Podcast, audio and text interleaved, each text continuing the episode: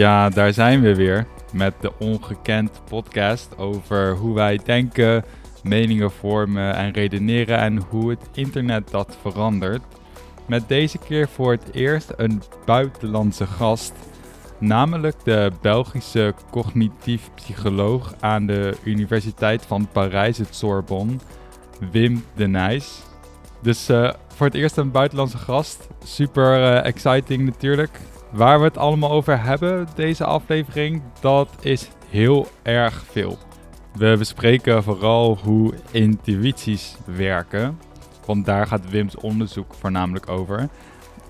En we komen er dan in via de kant hoe betrouwbaar of hoe rationeel onze intuïties, onze onderbuikgevoelens eigenlijk zijn.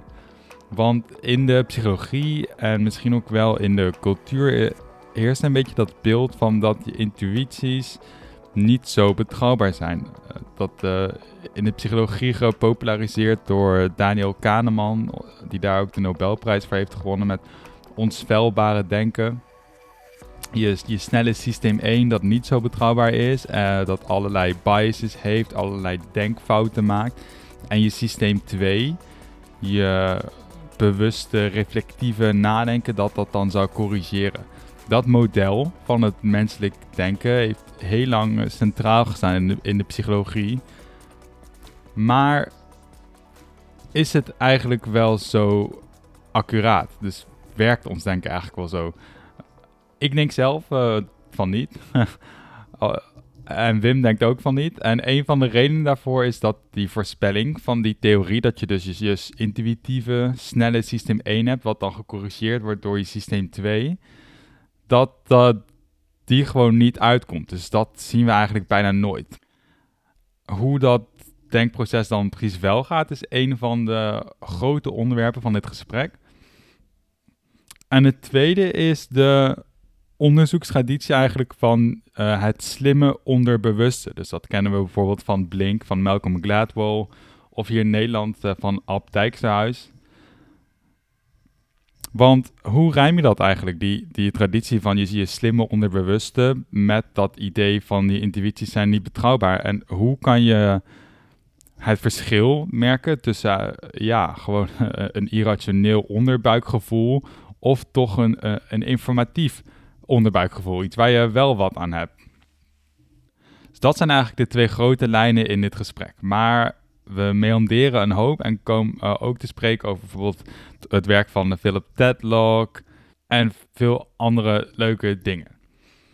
Het gesprek begint met dat ik aan Wim vraag of hij even wil uitleggen wat die hele dominante visie op het menselijk denken, die ik net ook al even noemde, van je hebt je snelle intuïtieve systeem 1, wat dus volgens Kahneman en zo veel biases bevat, en je hebt dan je reflectieve langzamere, maar ook betrouwbaardere systeem 2. Om die theorie even uiteen te zetten en uh, even uit te leggen, zodat uh, we vanaf daar het gesprek in kunnen gaan en iedereen uh, op de hoogte is en mee kan genieten. Dus daar vallen we zo het gesprek in en ehm, ja, veel luisterplezier.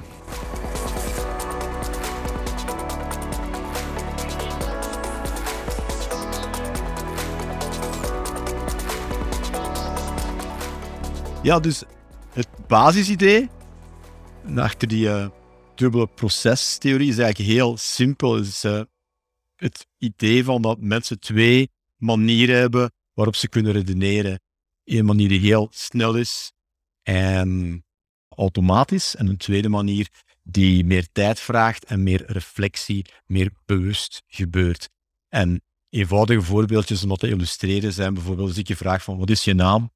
Kan je meteen antwoorden. Je hoeft daar niet over na te denken. Als ik je vraag, hoeveel is 2 plus 2? Weet je meteen, dat is 4. Als ik je daarentegen vraag van wie was de tweede president van de Verenigde Staten?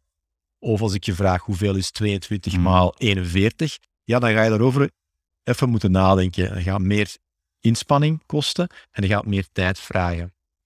En dat zie je in een, een, hele pool uh, menselijke denkprocessen, zie je die tweedeling, dat we enerzijds een een snelle manier kunnen gaan denken of een tragere manier. Dat, als je teruggaat naar de, de oude Griekse filosoof Plato, sprak er al over, over die tweedeling.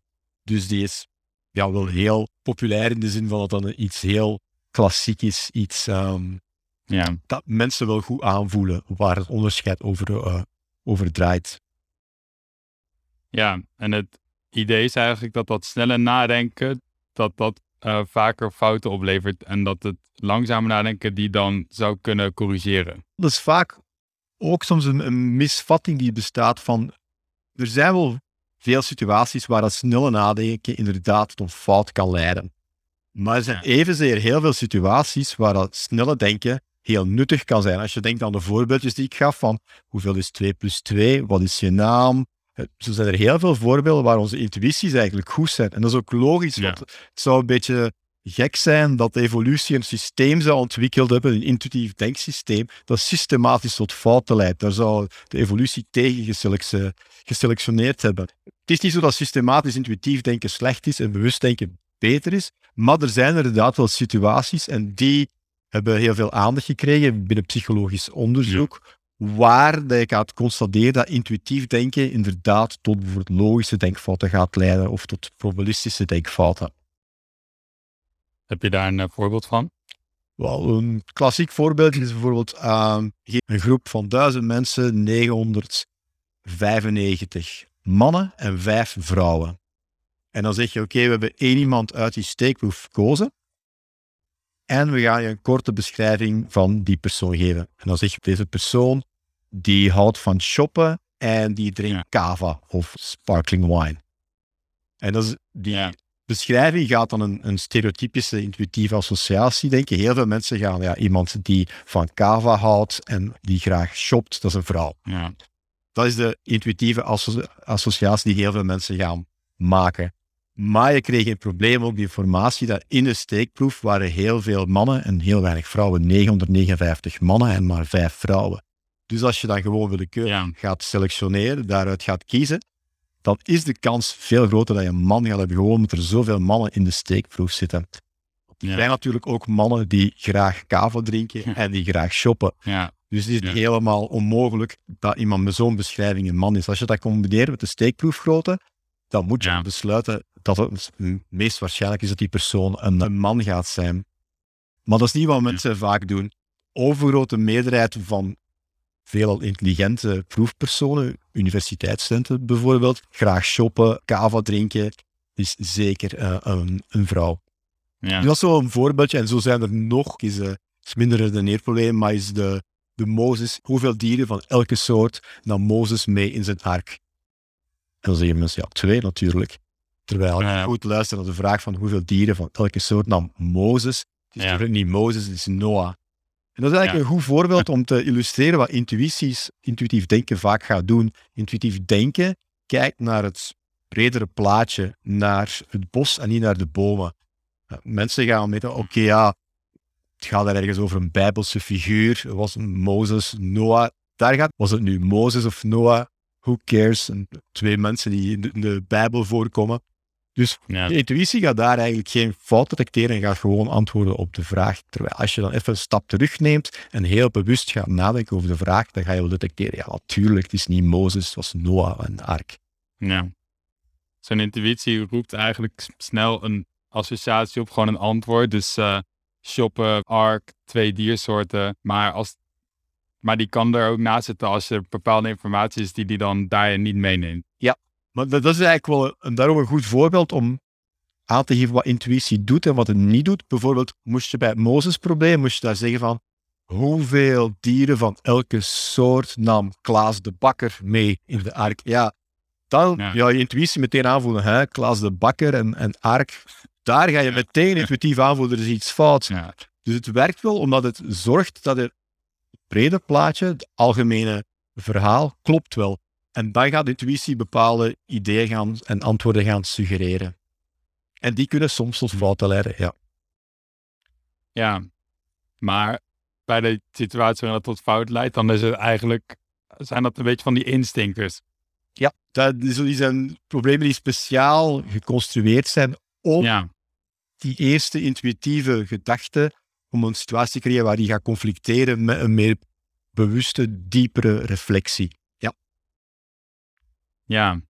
En ik heb zelf vaak het idee, maar ik weet niet eh, hoe jij dat ziet, dat veel van die conclusies over dat mensen irrationeel zijn of heel erg biased zijn van bijvoorbeeld aan het onderzoek van Kahneman met onsvelbare denken en zo, dat dat eigenlijk vooral gebaseerd is op dit soort van die experimenten, met van die trucjes eigenlijk, van die dat je de voelpersonen in het ootje neemt.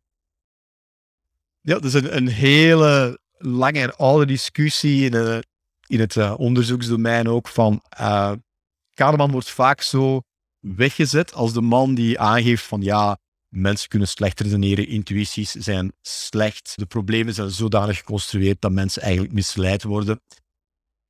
dus ik denk dat het ook belangrijk is om dat een beetje te nuanceren. Het is niet zo dat Kahneman is veel te intelligent om te beweren dat mensen altijd fout redeneren of fout gaan antwoorden. Dat was ook de expliciet een denkfout kan leiden.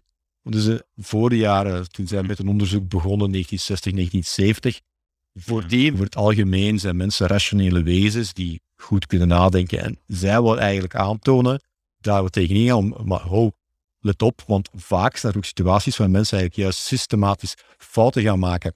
En daarom zijn ze beginnen focussen op die specifieke problemen. Natuurlijk zijn zij heel bekend en is hun onderzoek heel beroemd geworden. Ik allemaal Nobelprijs gewonnen, bestseller in ja.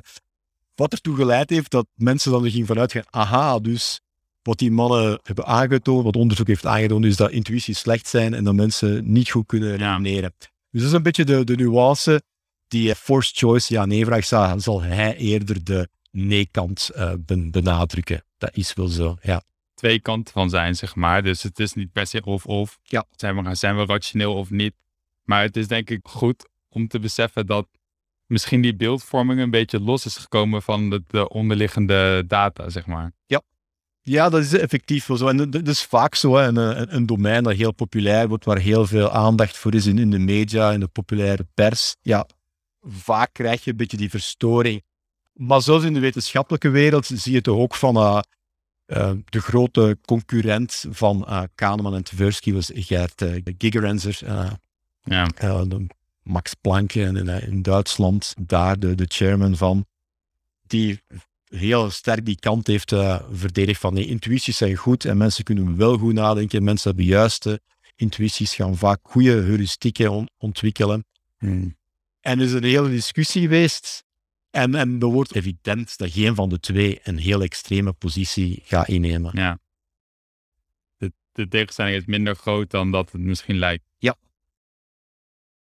En hoe zie jij dat? Uh, zeg maar, waar sta jij dan in dat debat? Eigenlijk, als je mij vraagt van als mensen een, een vraag die ik veel krijg, ja, wat moet ik doen om goede beslissingen te nemen? Moet ik intuïtief denken of moet ik gaan bewust gaan nadenken? Dan is het gemakkelijk antwoord, ja, dat hangt van de situatie af en een type probleem. Maar over het algemeen ben ik toch eerder, ga ik toch eerder de, de Kahneman kant op en zie terwijl ik denk van, als je kan, dan zou ik eerder mijn uh, bewust reflectief denken gaan vertrouwen en even gaan nadenken over mijn, uh, watgene wat mijn buikgevoel of mijn intuïtie gaat suggereren. Alhoewel er wel situaties zijn, en ook eh, dat we in ons eigen onderzoek hebben aangetoond, waar je kan aantonen dat intuïties vaak juist zijn. Maar ik denk over het algemeen bekeken, als je moet algemeen advies geven aan mensen, dan denk ik van dat het wel goed is dat mensen de tijd nemen om na te denken over een probleem waar ze mee geconfronteerd worden. Mhm. Ja, want zie je dan bijvoorbeeld vaak dat, uh, dat nadenken die intuïtie verandert of kan verbeteren? Ja, dat is, zo het, dat is het, het, klassieke uh, verhaal, eigenlijk de, de klassieke assumptie van Kahneman zijn, zijn twee-procestheorie, van intuïtief denken gaat vaak een, fout antwoord suggereren. Als je dan wilt correct gaan redeneren, dan ga je moeten diep bewust nadenken. En dan gaat dat diep bewust nadenken, eh, reflectief denken, dan gaat dat die intuïtieve antwoorden gaan corrigeren. En daar zijn we wat, daar is wat evidentie voor, dat is het klassiek onderzoek. Maar als je dat echt heel precies gaat testen, dan blijkt die aanname toch ook niet altijd waar te zijn. Hmm. Ja, want um, ja, daar, dan kunnen we het ook wel even over jouw eigen onderzoek hebben. Want daar blijkt ook bijvoorbeeld uit dat als, als mensen het correcte antwoord geven op van die logische puzzels, dan is dat niet, uh, of meestal niet, omdat ze dan eerst een foute intuïtie hadden die ze nog daarna met bewust nadenken corrigeren. Maar de meeste mensen die het correcte antwoord geven, hadden meteen al de goede ja, eerste ingeving. Ja, En dat is wel een, een probleem voor die klassieke Kahneman-visie, want daar ga je vanuit van, wat is iemand die goed kan redeneren, wat is iemand die goed diep gaat nadenken, die misschien uh, zijn eerste intuïtie gaat ook fout zijn en gaat ook denken van, ja, uh, het is twee dieren uit de ark van, van, van Mozes. Het is pas nadien als mensen even de tijd gaan nemen om te reflecteren over hun eerste intuïtieve antwoord, dat ze gaan detecteren, hé, hey, maar wacht eens, twee dieren, nee, nee, nee. Ze zeiden hier uh, Mozes en is eigenlijk Noah. Het is pas op dat moment, door dat soort processen doorlopen, dat mensen zichzelf zouden gaan corrigeren. Dat is eigenlijk het klassieke idee dat volgens de Kahneman-visie dat is wat goed te redeneren inhoudt. Hmm. Nu, op zich lijkt dat heel aannemelijk. Van, bij veel van die problemen is mijn eigen introspectieve aanvoel ook van ja, oh, mijn eerste indruk was eigenlijk fout. Ik heb echt, echt even moeten over nadenken om te kunnen corrigeren. Dus dat lijkt heel aannemelijk, maar dat is eigenlijk nooit heel expliciet getest geweest. En wij zijn al de afgelopen jaar met een aantal collega's dat proberen systematisch te gaan testen. En dan blijkt dat inderdaad vaak niet zo te zijn. Dan blijkt dat mensen die hm. echt goed kunnen redeneren, niet goed zijn in het corrigeren van hun foutieve intuïties, maar gewoon hun eerste intuïtieve antwoord meteen correct is. Dus zij gaan niet zeggen van ja, twee dieren, want het is een... Nee, ze zeggen meteen van nee, dit is een onmogelijke vraag. Het is eigenlijk Noah zijn ark en niet Mozes. Ja, dat roept dan wel een beetje eh, de connotatie op van nou, als dat zo is van uh, of je hebt het of je hebt het niet, zeg maar. Want als het nog zo is dat je intuïtie gaat verbeteren, dan is het ja, als je fout intuïtie hebt, kan je daar nog, ga je erover nadenken en dan kom je op het goede antwoord uit. Maar als het, als het zeg maar al erom gaat, heb je de goede intuïtie of niet, dan dat roept een beetje op van oké, je hebt of je hebt het niet en, en anders heb je pech. Ja, dat, dat zou kunnen, maar je kan er ook gaan, gaan testen. Dus misschien om even die experimentjes die we doen te, te verduidelijken. Meestal wat we doen is gewoon, we geven mensen zo'n logische denkproblemen, zoals het probleem um, de mannen en de vrouwen of de Mozes-illusie. En dan vragen we hen om twee antwoorden te geven. Ze moeten een eerste antwoord geven zo snel mogelijk. Ze moeten gewoon antwoorden met de eerste gedachte die bij hen opkomt, zo snel mogelijk. En dan nadien krijgen ze tijd om dieper te gaan nadenken over het probleem. Om zeker te zijn dat mensen hun eerste antwoord inderdaad hun eerste antwoord is en intuïtief is, en dat mensen niet gewoon uh, bedriegen al een beetje gaan nadenken over het probleem voor ze een eerste antwoord geven, dan zorgen we ervoor, door een aantal experimentele, experimentele manipulaties, dat mensen gewoon niet de tijd krijgen en de aandachtsmiddelen om echt te gaan diep nadenken. We weten, diep bewust nadenken vraagt twee dingen. Tijd en vraagt cognitieve capaciteit. Dus we zorgen ervoor dat het eerste antwoord dat ze geven, geven we een heel strikte tijdslimiet. Dus mensen krijgen maar een paar seconden om een antwoord te geven. Dus dat is dan vaak mm. dus de mensen achter een computer dus eigenlijk de tijd om het probleem te lezen en om de muis te bewegen, te klikken op een van de responsen. En daarboven gaan we ook zorgen, terwijl ze dat redeneerprobleem aan het oplossen zijn, gaan we zorgen dat hun aandacht wordt beziggehouden door een dubbeltaak. Dus bijvoorbeeld voordat we het mm. redeneerprobleem gaan tonen, tonen we een, uh, een, bepaalde figuur, een complexe matrix of een aantal woorden die mensen moeten gaan onthouden. Dat onthouden, dat vraagt cognitieve capaciteit, waardoor ze tijdens dat ze aan het redeneren zijn, die cognitieve, capaciteit niet kunnen gebruiken om het redeneerprobleem op te lossen. Dus je dwingt mensen echt om heel puur intuïtief op hun buikgevoel af te gaan, want ze krijgen niet de tijd, nog de middelen om echt diep te gaan nadenken. Dus dan kunnen we gaan hmm. kijken wat er zich eigenlijk afspeelt. En dus met die, dat soort eh, experimenten, dat we eigenlijk vinden dat mensen die een correct antwoord geven nadat ze diep hebben nagedacht, dat die vaak ook al in de eerste etappe, dus waar ze verplicht worden om hun eerste indruk te geven, ook al het correcte antwoord gaven. Ja. Nu, om terug te komen op je vraag, wat betekent dat dat je dus heel deterministisch is, er niks aan te doen is? Dat blijkt ook niet het geval, want je kan mensen wel gaan trainen.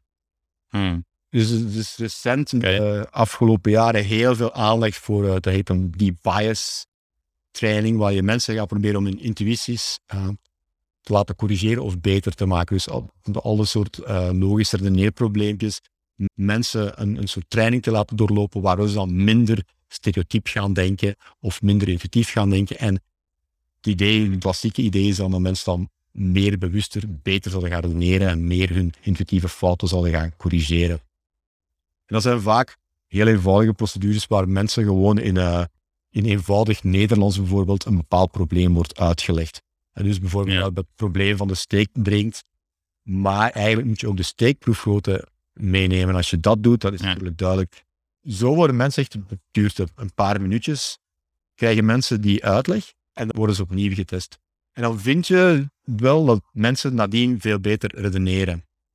Hmm, De interessant. wat dan meestal de aanname was, is wat er gebeurt is, doordat je mensen problemen gaat uitleggen bent, dat ze dan meer tijd gaan nemen om bewust te gaan nadenken over het probleem en dat je daardoor een, een trainingseffect krijgt. Dus mensen gaan zich realiseren, oh wacht eens, ik moet hier niet blind op mijn, eh, mijn intuïtie of mijn stereotypen afgaan. Ik moet ook wat dieper nadenken en ook die steekproefgrootte in rekening nemen. Dat is een mogelijkheid, maar het zou ook wel kunnen dat eens dat je mensen het probleem uitlegt, als ze al een bepaalde kennis hebben, dat ze dan gewoon niet meer na die training het foute intuïtieve antwoord gaan genereren en meteen gewoon Ja. intuïtief juist gaan redeneren. Bijvoorbeeld bij een no-probleem, dat ze meteen gaan zeggen, ja nee, dit is een onmogelijke vraag van. En dat is het voorbeeld van de vrouwen en de mannen, dat mensen gewoon meteen op de steekproefgrootte gaan afgaan. Ja. Dus dat is het de, de, over de laatste paar jaren we ook in een aantal studies gaan doen. Dus mensen krijgen die training, we testen ze vooraf met dat paradigma waar ze twee antwoorden moeten geven, een snel antwoord en een trager antwoord, waar ze mogen over nadenken. Een- Dat is een pretest, dan volgt die training en dan een posttest. En wat je dan ziet, is dat na de training, eigenlijk in de posttest, dat mensen dan hun eerste intuïtieve antwoord meteen goed wordt. Dus het trainingseffect speelt vooral op die eerste intuïtieve indruk en niet zozeer op eh, Oh ja. Het bewust reflectief Ja. denken. Ja, dus door het studieontwerp dat je met dat je mensen bezighoudt en het weet heel snel te antwoorden, kan je ook die twee hypothesen uit elkaar Ja. halen eigenlijk. Oh. Dus het, het voordeel van, van die benadering, dat je eigenlijk echt kan, ja, het aard van het denkproces, daar eigenlijk een uitspraak gaat ga over doen. En dat is wel interessant, want dat toont enerzijds aan van wat jij suggereerde, dat het niet per se deterministisch moet zijn, want je kan ook mensen die Ja. Misschien voor de training een foute intuïtie gaan genereren, kan je na de training gemakkelijk naar een juiste intuïtie gaan, gaan sturen. De training zijn blootgesteld. Dat die niet te maken hebben met een, een gebrek aan kennis per se, of dat de mensen niet in staat zijn om correct te redeneren. Die training duurt vijf minuten bijvoorbeeld. Het feit dat je binnen vijf minuten mensen op het rechte pad kan brengen, zeg maar, geeft al aan dat er voor dat ze de training Ja. geven, wel een bepaalde basiscompetentie moet aanwezig zijn, die je gewoon wat gaat boosten en wat gaat activeren. Ja, dat vijf minuten, dat is wel echt kort. Ja. En intuïtief reactie verbeteren. En dat is dus wel interessant, want het feit dat je mensen kan trainen is op zich al belangrijk. Het is goed dat, we, dat er methodes bestaan waardoor je kan zorgen dat mensen geen logische denkfouten gaan maken. Maar het feit dat het vooral ook op het intuïtieve niveau speelt, is praktisch gezien heel belangrijk. Want als je met je training enkel zal zorgen dat mensen meer tijd gaan nemen om na te denken, dat is heel fijn op zich. Maar in veel dagdagelijkse situaties gaan mensen gewoon niet de tijd hebben om na te denken, om de tijd te nemen om eh, diep te gaan reflecteren. Ja, Nee. denk, denk bijvoorbeeld aan eh, een politieagent die moet beslissen van heeft, heeft een verdachte een wapen bij, ja of nee. Ja, dan ga je die niet de tijd kunnen geven om een minuutje te gaan neerzetten en even te gaan nadenken. Wat gebeurt er? Dus eh, dat is een voorbeeld van een situatie waar je moet zorgen dat mensen gewoon intuïtief goed gaan denken. En bijvoorbeeld dat hun oordeel, intuïtief oordeel, niet gaat verstoord zijn. Dus Ja. feit als dat die, die trainingen, die zijn op zich niet nieuw of spectaculair, maar dat die ook op dat intuïtief niveau kunnen werken, is wel hoopvol in die zin, omdat je het aantoont dat je misschien ook die intuïtieve reacties van mensen, als ze niet de middelen hebben of de tijd om echt diep te gaan nadenken, dat je die ook kan verbeteren. Iets anders dat me te binnen schiet bij dat nadenken over intuïties is dat aan de ene kant zijn intuïties dus best wel slim. Eh, misschien zelfs soms slimmer of dat ze het beter weten dan omdat je onderbewust misschien meer informatie kan verwerken of meer patronen kan zien. Aan de andere kant is intuïtie voor een, een argument of een mening of een standpunt. Dat, je hoort bijvoorbeeld vaak van complotdenkers, hoor je dat ook vaak zeggen. Van, ehm, ja, niet van ik voel gewoon dat het niet klopt op een soort van mystieke manier of zo, maar van ja, ehm, als het argument is, mijn intuïtie is dat het niet klopt of ik voel dat het niet klopt, dan is dat moeilijk te ontkrachten. Snap je wat ik bedoel? Mhm. En als je de, een argument gebruikt, dat als je kan zeggen, ik voel het zo aan of het aanvoelen, heeft vaak een speciale status. Um, ja, ja. ja. Terwijl dat, dat is een beetje dubbel, want aan de ene kant is dat een, lang niet altijd een goede reden, denk ik. Of ja, als jij, als er een aantal tegenargumenten zijn tegen wat, wat jij vindt of, of wat jij denkt, maar jij blijft maar vasthouden aan van nee, maar ik voel gewoon dat het, dat het niet waar is of zo, dan uh, ja, zo werkt het natuurlijk niet. Ja. Maar aan de andere kant kan het soms wel zo zijn dat er in dat, dat buikgevoel of die intuïtie uh, juist wel iets in zit. Ja. En daar heeft uh, Kademan ook wel al een aantal interessante reflecties rond gepubliceerd van wat zijn, zijn leidraad eigenlijk is, wat hij aangeeft van die domeinen waar intuïtie waarschijnlijk te vertrouwen is, zijn domeinen waar je sowieso al enige ervaring moet in, eh, in gehad hebben, waar je al bent hmm. blootgesteld aan bepaalde patronen, zodanig dat je de tijd hebt gehad om bepaalde associaties te ontdekken, die je vervolgens geautomatiseerd hebt en die dan puur intuïtief automatisch gaan geactiveerd worden.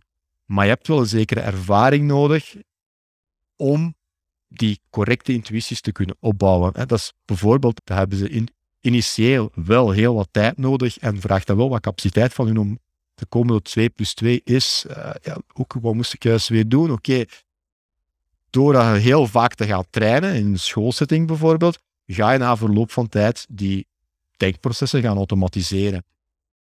En dat principe speelt in heel wat domeinen. Dus waarschijnlijk is het wel zo dat een, een, expert in een bepaald domein intuïtief iets kan aanvoelen. Ja, waarom? Omdat hij al heel veel is blootgesteld aan verschillende situaties en daar patronen in kunnen ontdekken heeft en zo die kennis kunnen automatiseren heeft.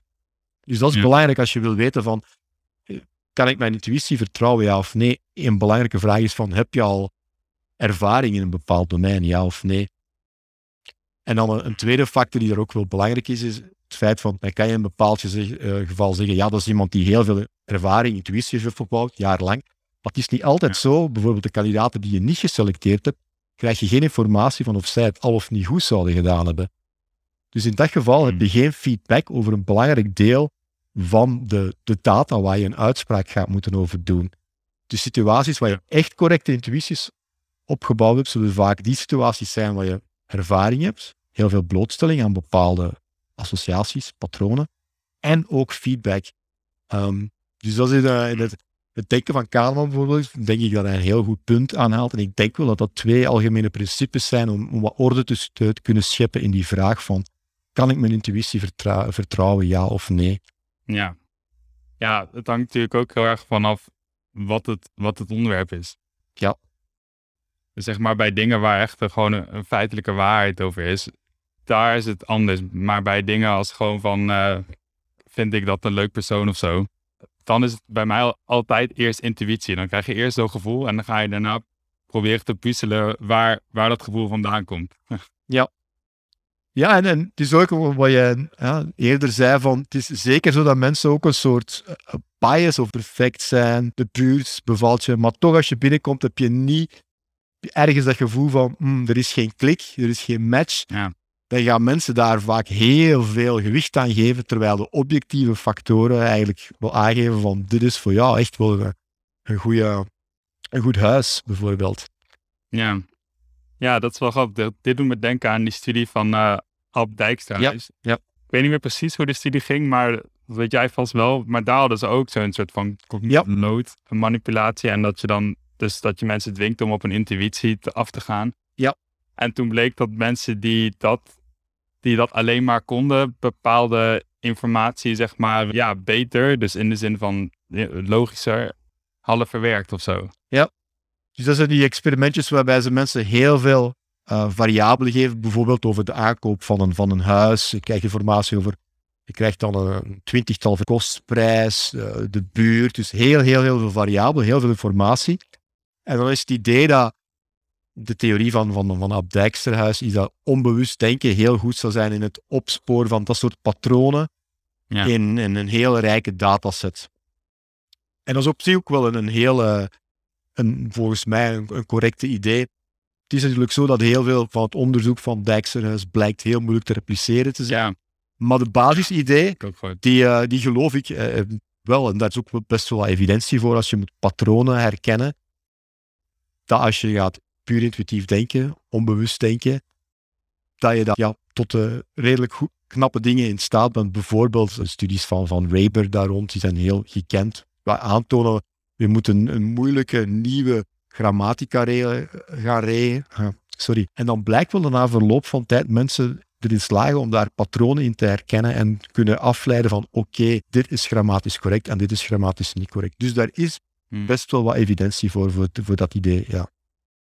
Ja, het klassieke voorbeeld waar ik aan moet denken is uh, Blink van Malcolm Gladwell. Dus dat zijn van die voorbeelden als een, een beeld en je ziet, je ziet eh, meteen dat het nep is, maar kan niet goed uitleggen Ja. waarom, maar je ziet dat meteen dat het nep is. Ja, en dat is ook weer...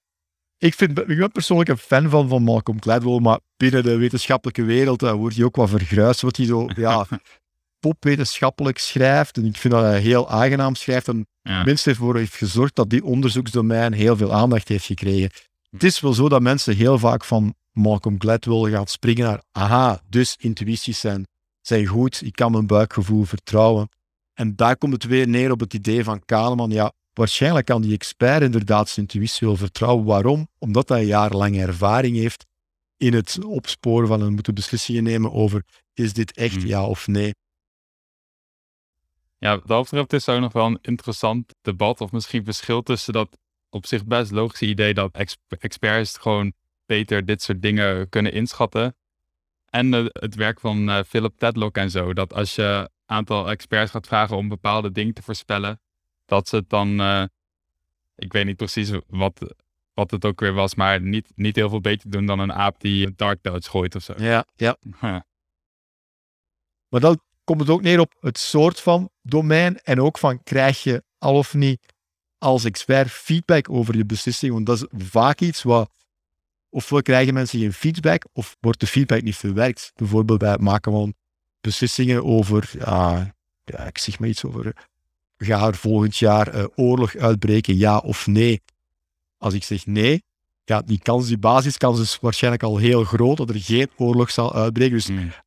Al dat soort factoren gaan meebepalen of je al of niet gaat de juiste beslissing nemen. En ja, je weet natuurlijk niet of elke individuele expert al die factoren achteraf effectief gaat evalueren, mee in rekening brengen en gaat nagaan van was mijn voorspelling hier correct, ja of nee? Moet ik iets anders gaan doen? Dus daardoor krijg je Ja. heel wat bias en ruis gewoon in die vergelijking, want ja, elk, elk domein is niet hetzelfde, elke expert is niet hetzelfde natuurlijk. Ja, het is eigenlijk te groot en te veel afhankelijk van individuele factoren op, om hier een, een algemeen oordeel over te vellen.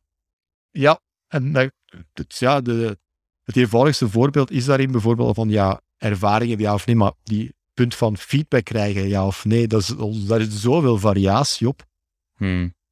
dat het moeilijk is om, om verschillende experts over dezelfde kamp te gaan, te gaan scheren. Ja, nog, nog over dat van het trainen van intuïties. Dat is echt heel interessant, want dat is best wel anders dan hoe we zoiets meestal zien.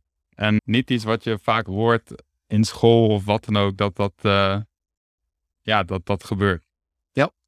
Nu, die, misschien de nuance die daar moet aanbrengen, want de resultaten die wij vinden, dan gaat het over ja, eenvoudige redeneerproblemen, het soort probleempjes waar we mee begonnen zijn. Dus het gaat over redelijk elementaire, logische, mathematische principes. En dan zijn nu eenmaal principes die, waar je vaak aan bent blootgesteld. Bijvoorbeeld al tijdens je opleiding en voor elke volwassene, in, toch in de westerse wereld, tijdens je, je schoolopleiding. Dus dat daar zo'n korte training ertoe kan gaan leiden, een bepaald principe dat je ooit wel al verworven hebt en getraind hebt, dat je dat intuïtief gaat gebruiken, is niet zo spectaculair, omdat het nu eenmaal Mm. gaat om een eenvoudig principe waar je al heel frequent aan bent blootgesteld. Dus het gaat eerder over een soort van boosten van bepaalde kennis die je wel al verworven hebt, maar die je wat meer actief gaat maken. En het gaat niet over het ex nihilo echt creëren van nieuwe kennis. Dus ik denk op dat vlak, daar is onze voorspelling dat op eh, dat soort domeinen of dat soort vragen, ja, gaat die intuïtieve training niet werken. Die werkt gewoon omdat mensen al een bepaalde kennis hebben. Ja, ja bijvoorbeeld van die steekproef van 995 ten opzichte van 5. Dat als je dat eenmaal realiseert, dan sluit het een beetje aan bij je, bij je boerenverstand. Zeg maar. Ja. Het is op zich, dan daar kun je, kan die training ook kort zijn. Het is niet zo moeilijk om mensen ja, te laten inzien van kijk, daarom is het het juiste antwoord en krijg je ook Ja, die effecten. Dus een van de ideeën waar wij mee spelen is om dat fake news of gelijkaardige effecten krijgen van over heel veel van, van die zaken. Hebben mensen, of het is ook mijn, mijn overtuiging dat mensen wel een bepaalde kennis daar rond hebben. Ja. Als mensen zeggen van vaccins zijn niet te vertrouwen, ze gaan, ze zijn mijn overtuiging dat mensen wel een bepaalde kennis daar rond hebben. Ja. Als mensen zeggen van vaccins zijn niet te vertrouwen, ze gaan een, zender inspuiten onderhuids, van, dan denk ik van de overgrote meerderheid van vo- volwassen rationele mensen moest zich realiseren dat dat eigenlijk geen argument is dat houdt. Nee, dus ja, waarschijnlijk spelen er nog andere motieven, maar misschien dat je ook daar, op dat soort domeinen, dus wel met zo'n korte trainingsaanpak, wel resultaten kunnen, ge- kunnen genereren. En er is wel wat recent onderzoek van, van Hugo Messier daar rond bijvoorbeeld, waar ze dat proberen doen in een soort met chatbot, met een soort argumentatie die ze opbouwen, waar mensen dan eh, een bepaald argument geven, waar ze een tegenargument krijgen. En zij blijken daar toch wel wat interessante resultaten mee te vinden. dus dan geven mensen een argument aan een chatbot en die geeft een soort weerlegging of... eh, Ja.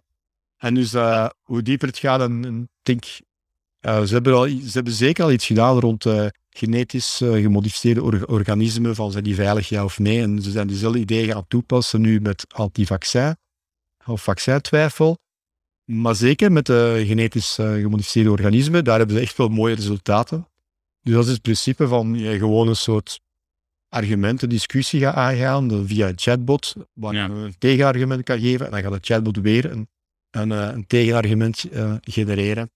Dus zij vinden dat daar wel een aantal positieve effecten zijn. Wat ze nog niet gedaan hebben, is gaan nagaan van op welk niveau situeren die effecten zich iets veranderd is. Ja, ja. Nou, het mooie, zoals ik het nou zie hier, is dat het is zeg maar niet of-of. Dus als jij die intuïtie train je door bewust eh, zeg maar systeem 2 feedback te geven op jouw antwoorden en dat voert dan zeg maar weer terug naar, Ja. naar je intuïtie.